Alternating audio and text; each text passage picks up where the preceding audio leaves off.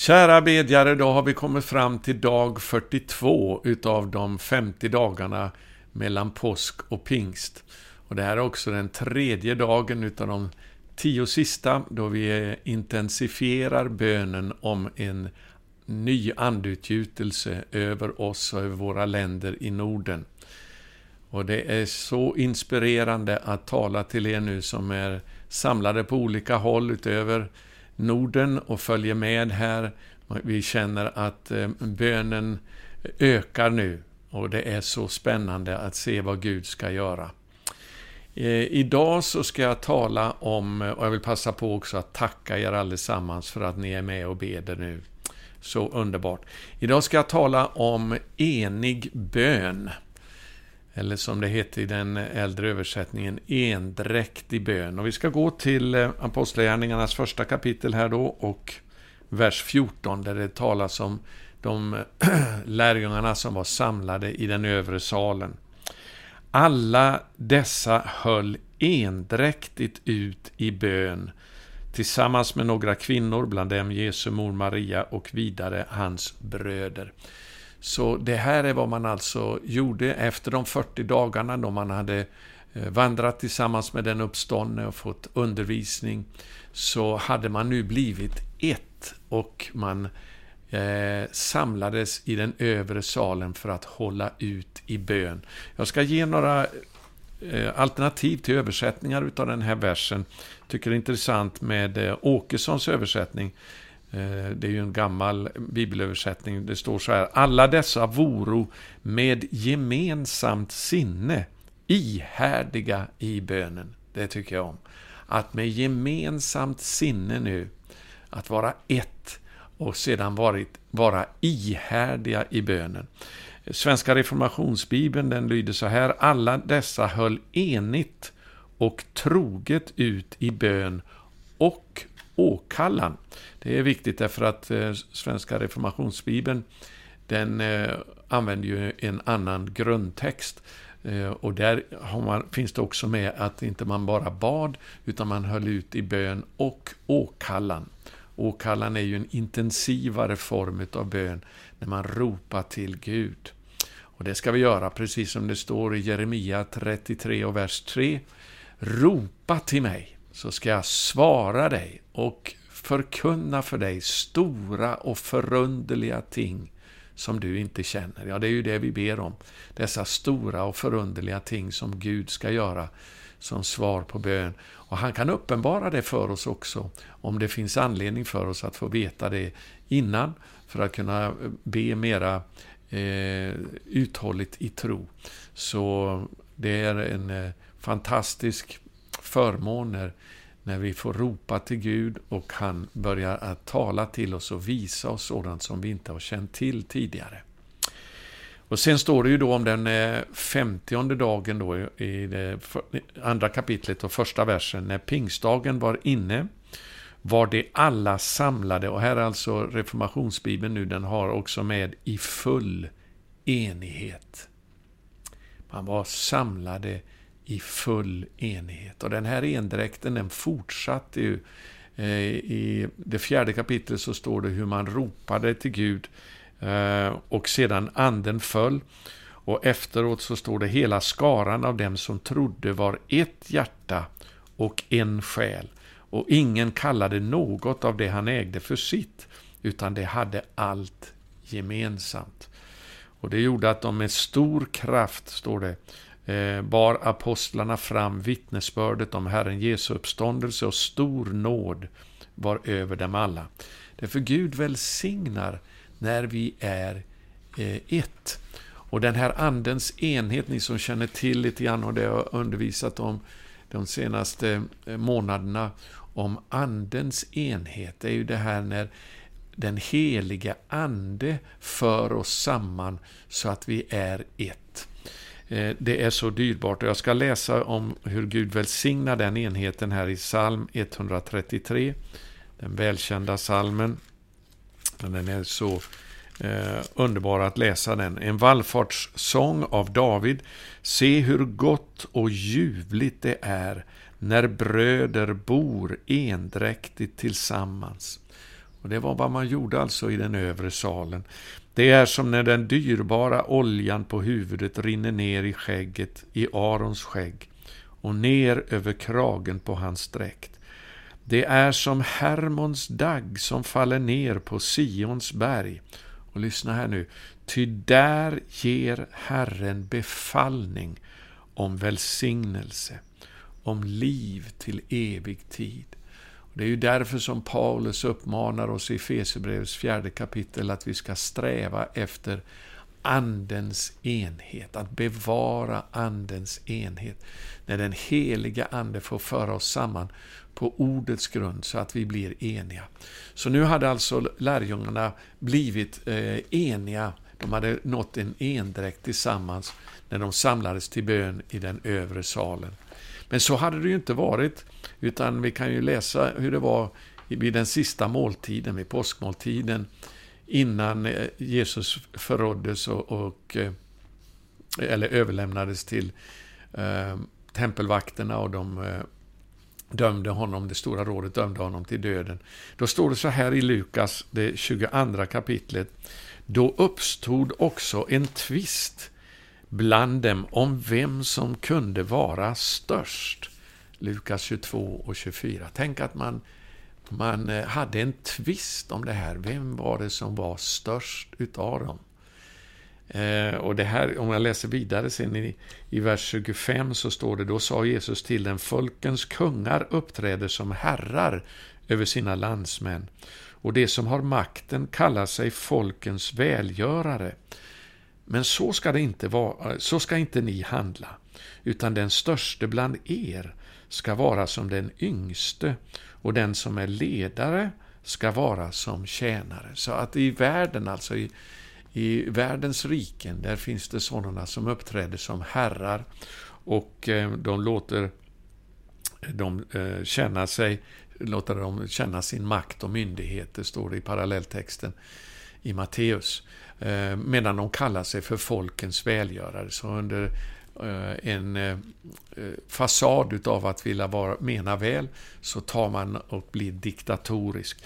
Men nu hade alltså lärjungarna då fått vandra i 40 dagar tillsammans med den uppståndne.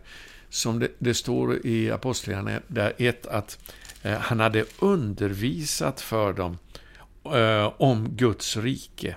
Jag ska läsa om det här. Han talade med dem, står det här i vers 3. Han visade sig för dem efter sitt lidande och gav dem många bevis på att han levde då han under 40 dagar lät sig ses av dem och talade med dem om Guds rike. Och nu var de ödmjuka, nu var de inte så högmodiga som på, vid påskmåltiden då de sa att jag ska aldrig överge dig. De var så självsäkra, men nu hade de blivit förkrossade och därför kunde Jesus undervisade dem om Guds rike. Och det ledde till att de var nu endräktigt samlade i den övre salen. Och eh, likadant när den femtionde dagen, alltså pingstdagen, var inne, då var de alla tillsammans i full enighet, som det översätts i reformationsbibeln. Och när sedan då Petrus trädde fram, så står det ju att eh, i vers 11 så här i kapitel eller förlåt, vers 14 i kapitel 2. Då trädde Petrus fram tillsammans med de elva och tog till orda och talade till dem. Så de var tillsammans allesammans, men Petrus var den som var talesmannen för dem, men de var alla ett. Och det är den här endräkten som eh, Gud välsignar alltså. Han befaller välsignelse över en sådan enhet. Eh, jag ska göra en eh, parallell här till det som hände vid eh, Sinai berg, när Israels barn hade vandrat också då i 50, nästan 50 dagar, drygt 40 dagar, och kommit fram till Sinai berg. Det är väldigt intressant vad som står där om man läser i den hebreiska grundtexten. Jag ska läsa ifrån vers 2 i Andra Moseboken kapitel 19. Det bröt nämligen upp från Refidim och kom till Sinai öken och slog läger i öknen och sen kommer det repeterat här igen. Israel slog läger där mitt emot berget. Vad som är intressant i den hebreiska texten här, det är att när det står första gången att de slog läger, så är verbet i plural. Det vill säga, det var många som hade kommit dit för att slå läger. Men sedan så när det upprepas så står det Israel slog läger där mitt emot berget. Då är verbet i singular. De hade blivit förenade till ett. Hur gott och ljuvligt är det inte när bröder bor endräktigt tillsammans. De hade blivit ett, precis som lärjungarna i den övre salen. När de väntade på löftet ifrån Fadern, så hade Israel, när de skulle få ta emot Gudsuppenbarelsen eh, från himmelen på Sina i berg, då Gud själv stiger ner och skriver de tio orden med sitt eget finger. Det var en uppenbarelse som aldrig har hade förekommit tidigare i världshistorien och aldrig senare heller, att ett helt folk får höra Gud fysiskt tala till dem. Eh, med egen röst alltså. Eh, och eh, för att de skulle få den här uppenbarelsen så hade de också gått igenom den här processen av att man från att ha varit slavar i Egypten och kommer ut i vilda, oordnade, upproriska, otroende eller tvivlande på mycket utav det som som Gud ville göra, så hade man sakta men säkert mognat fram till att komma fram till den här enheten. Och det var det som skapade förutsättningen för att Gud skulle tala ifrån himlen. Och likadant var det med lärjungarna, alltså i den övre salen. Jag ska nämna lite grann om detta med endräktig bön, och då ska vi gå till eh, Matteus kapitel 18. För det här är ju fantastiska löften alltså när vi ber i endräkt eller i enhet. Jag ska läsa hela sammanhanget här ifrån vers 15. Eh, det står det, om din broder har begått en synd, så gå och ställ honom till svars enskilt mellan fyra ögon. Här är det också lite olika mellan olika översättningar. För en del har med de här orden om någon har begått en synd emot dig. Alltså det handlar om någonting personligt som har uppstått av en förseelse. Eh, och då så står det, då ska man inte gå till andra med det här, utan man ska gå till den personen det gäller. Och lyssna, svara eh, och ställa honom till svars enskilt mellan fyra ögon alltså. Först går man personligen för att ta upp det här. Om man lyssnar på dig har du vunnit din broder, men om man inte lyssnar till dig, ta eh, då med dig en eller två andra. För att varje sak må avgöras efter två eller tre vittnens ord. Jag betonar det här speciellt därför att det här är vad som är nyckeln sedan till det fantastiska löftet eh, som Jesus ger om att komma överens i bön. Det är att varje sak ska avgöras efter två eller tre vittnesord. Lyssnar han inte heller till dem, säg det då till församlingen, och lyssnar han inte heller till församlingen, då skall han vara för dig som en hedning och publikan. Så kommer det här, vers 18. Amen säger jag er. Allt vad ni binder på jorden, utifrån vad då? Utifrån två eller tre vittnens utsago, vad de kan vittna om. Eh, då när vi binder på jorden, då ska det vara bundet i himlen. Och allt vad ni löser på jorden, det vill säga varje sak ska vara grundat och avgjort utifrån två eller tre vittnens utsagor. Allt vad ni löser på jorden ska vara löst i himlen. Vidare säger jag er, om två av er här på jorden kommer överens om att be om något, harmoniserar tillsammans. Så tänk att det står inte om två eller tre hundra kommer tillsammans och kan vara ett i bönen, utan det räcker faktiskt med två. Om två av er här på jorden kommer överens att be om något, vad det än är, så ska de få det av min fader i himlen. Ty där två eller tre, här kommer det igen, det här uttrycket två eller tre, är samlade i mitt namn, där är jag mitt ibland dem. Och så står det då, alltså om vi hoppar tillbaka till vers 16, att varje sak ska avgöras utifrån två eller tre vittnes utsagor. Vad handlar det här om? Jo, vi talar om en endräktig bön utifrån vad två eller tre kan vittna om. Vad handlar det om? Jo, att man har hört ifrån Gud. Ett vittne, det är någon som berättar antingen vad han har sett eller vad han har hört. I en rättegång så vill inte domaren eh, veta vad den här personen som vittnar har för uppfattning. Utan det enda han vill lyssna till det är, vad har du sett? Eller vad har du hört? Och när vi har hört ifrån himlen, eller Gud har uppenbarat någonting för oss och visat det för oss i en syn eller uppenbarelse på något sätt. När vi vittnar om det, och det är mer än en som kan vittna om detta, då har vi grunden till den här fantastiska, starka bönen när vi kan komma överens. Och då, det vi kommer överens om, det har Gud sagt, det ska ni få. Det ni binder grundat på två eller tre vittnens utsagor, det ska ni få. Och ju mer eh, detaljerade vittnesbörden är, desto starkare växer sig tron att det här är vad som är Guds vilja. Det här är vad Gud har uppenbarat för oss. För om vi ber om något efter Guds vilja, då vet vi att han hör oss. Och om vi vet att han hör oss, vad det än är frågan om, bara vi vet att vi har hört ifrån himlen vad som är Guds vilja utifrån två eller tre vittnen, ja då vet vi att vi redan till och med har det som vi har bett om i vår bön. Så det här är något så dyrbart med endräktig bön. Det är grunden till effektiv bön. Eh, det är inte i första hand hur många vi är, även om det också kan vara väldigt betydelsefullt i olika sammanhang. Men i grunden så är det frågan om att vi har hört ifrån himlen.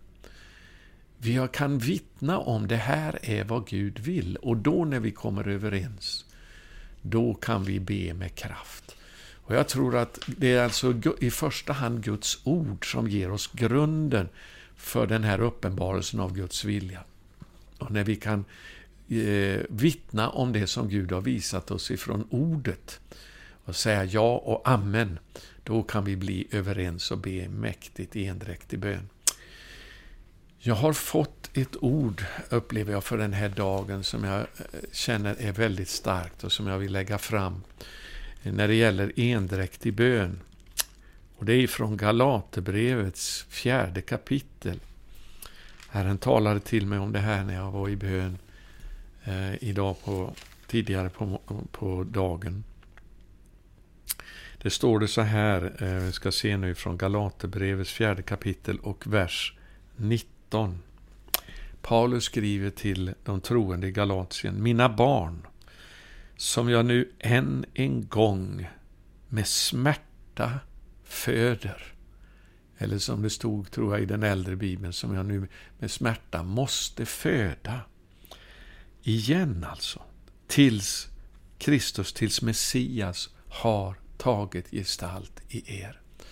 Och det jag upplevde att Herren sa, det är att nu behöver vi gå in i den här födslovåndan för att föda på nytt igen församlingen tillbaka till den kraft som den har haft tidigare i våra länder i Norden, i Skandinavien.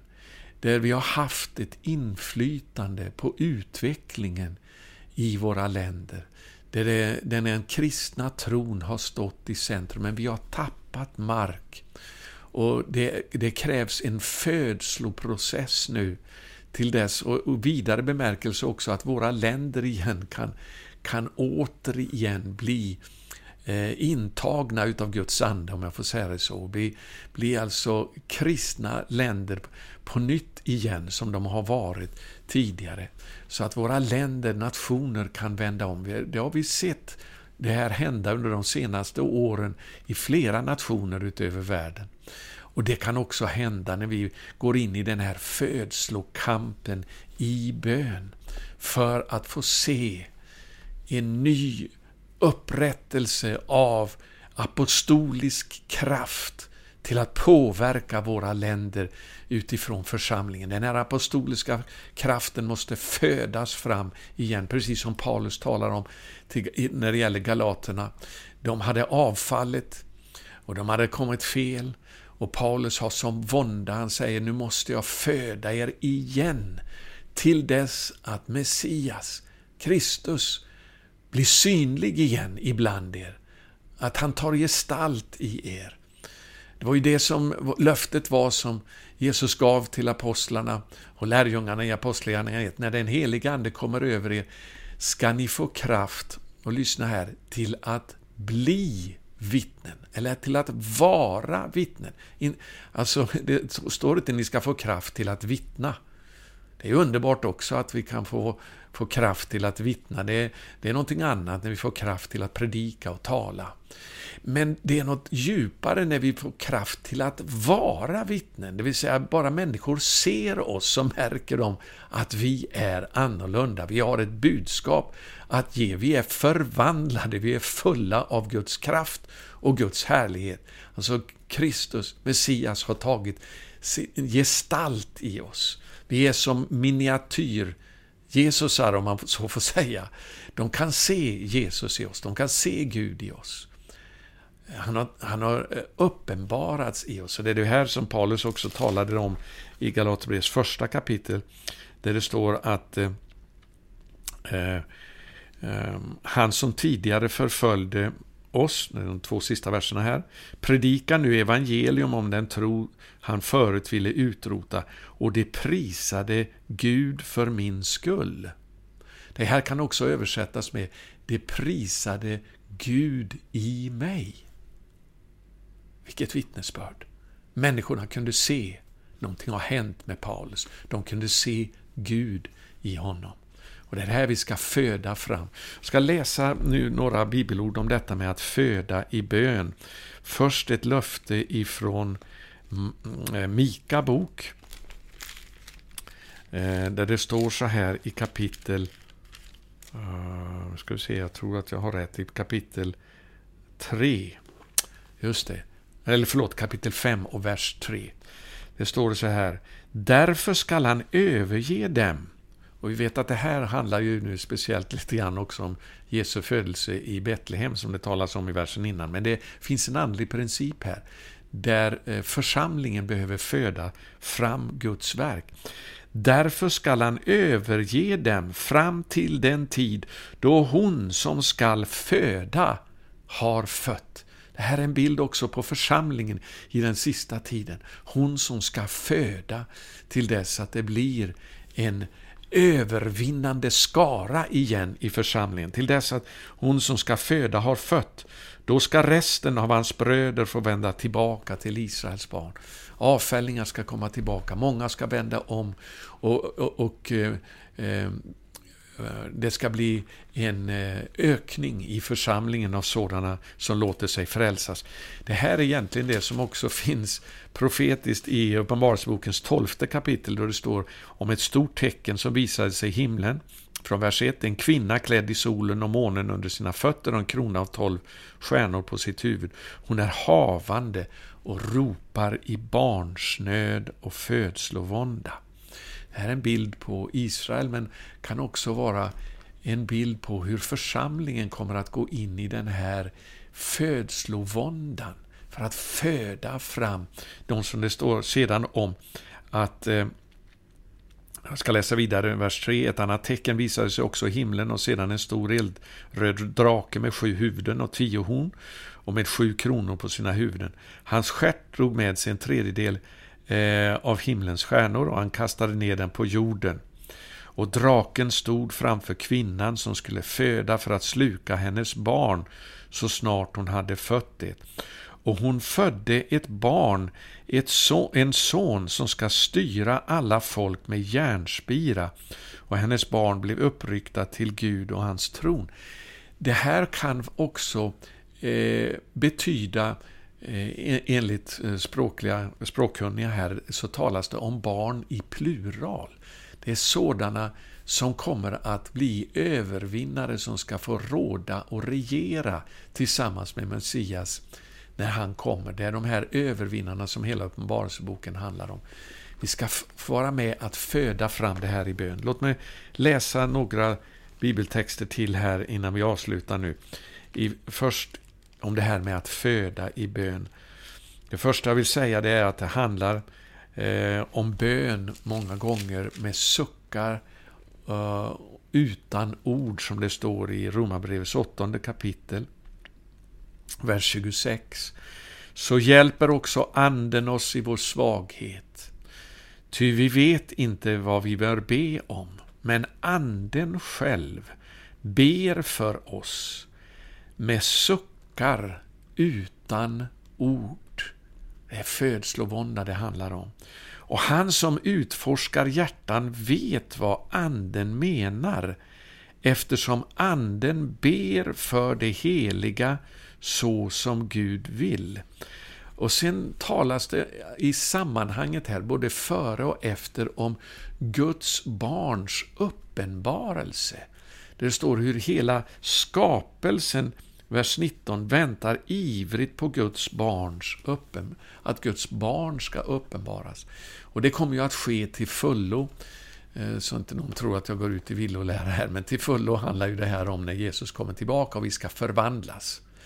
Men vad jag vill eh, och bli, eh, bli Guds barn genom kroppens pånyttfödelse, som det talas om längre fram i verserna där.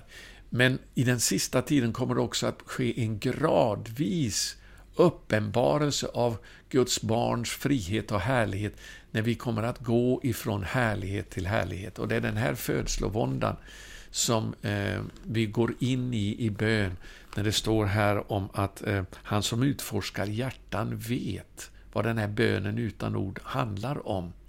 Eh, eftersom han ber för de heliga så som Gud vill. Alltså efter Guds vilja. Och vad är hans vilja? Det är att vi ska gå från härlighet till härlighet. Att den ska bli synlig i församlingen. Också i oss som enskilda. Två stycken bibelord till. Det första från Jesaja. Ehm, och ehm, ifrån kapitel 42. Och ifrån vers 13. Det här handlar om eh, Herren, hur han kommer att dra ut till strid i den yttersta tiden. Men han vill göra det också genom oss i vår bön. Lyssna här. Herren drar ut som en hjälte, han äggar upp sig som en stridsmans, med en stridsmans iver. Han ropar högt, han ger upp ett härskri och visar sin makt mot sina fiender. Det är det här han vill göra igenom oss i bön också. Med de här ropen utan ord.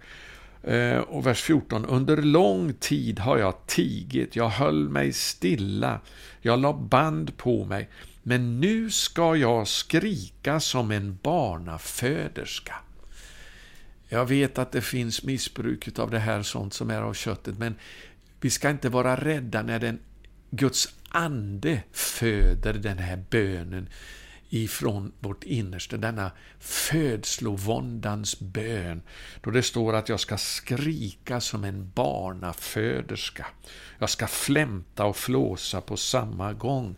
Det är någonting av det här som reser sig upp inom oss nu, där vi på nytt ska föda våra nationer in i den kallelse som Gud har haft på våra länder. Eh, och det är den här bönen som har föregått väckelser i gångna tider. Jag, låt mig ta bara ett exempel så det blir mera praktiskt. Jag hörde om en missionär som arbetade i Kina före andra världskriget. Och det var, eh, ja om jag inte har fel, det kanske var strax efter andra världskriget. Eh, kan det ha varit. Det var i alla fall strax innan kineserna, eh, innan kommunisterna tog makten i Kina. Jag avslöjar min okunnighet här, jag vet inte exakt när det hände, men runt eh, tiden vid andra världskriget. Och då besökte hon en missionsstation i, eh, eh i Kina och eh, vaknade på morgnarna när hon hörde de infödda kineserna be. De ropade så ivrigt till Gud.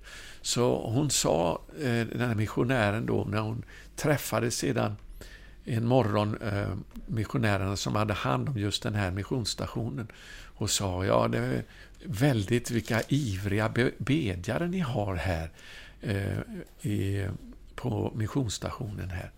Och då svarade den här missionären, eller de här missionärerna henne, på ett sätt som fick henne att frysa till is. Det var så fruktansvärt. För de här missionären sa, ja har du hört också? De brålar som kossor här på morgnarna. Jag önskar de kunde sluta med det där oväsendet. Man kan inte ens sova här på morgonen. Och hon blev så bedrövad. För hon förstod vilken fullständig okänslighet som de här, och andlig okunnighet som de här missionärerna hade. Men kineserna, de hade lärt sig att be i bön utan ord. Och det var det som gjorde att sedan väckelse kunde bryta fram i Kina när missionärerna hade lämnat. Och Kina idag har den förmodligen största församlingen i hela världen.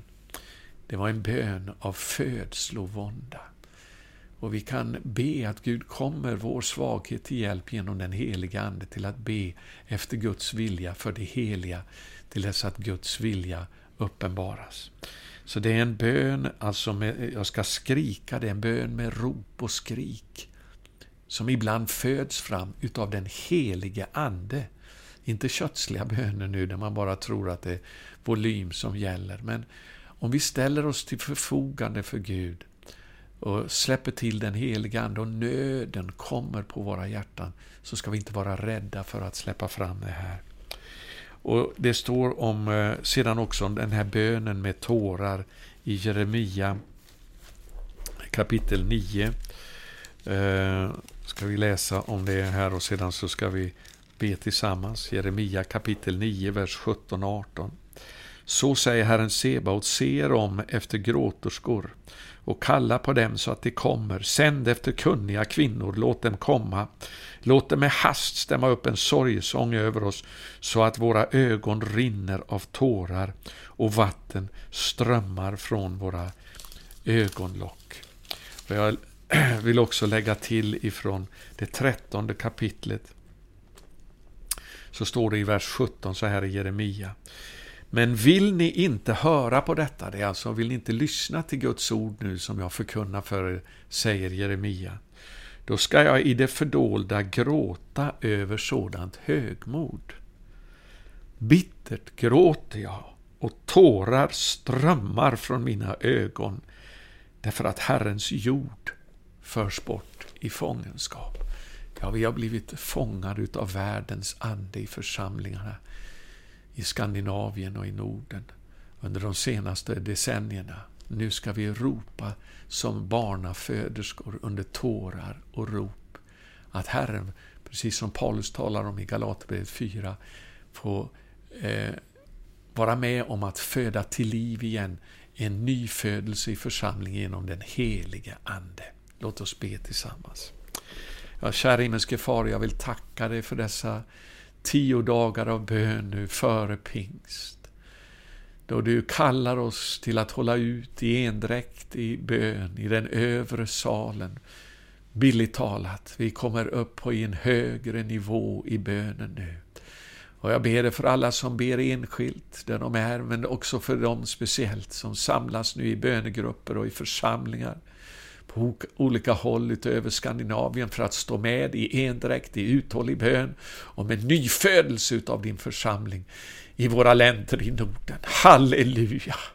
Herre, vi ber dig att det ska födas fram ett regn av, ett vårregn av din helige Ande.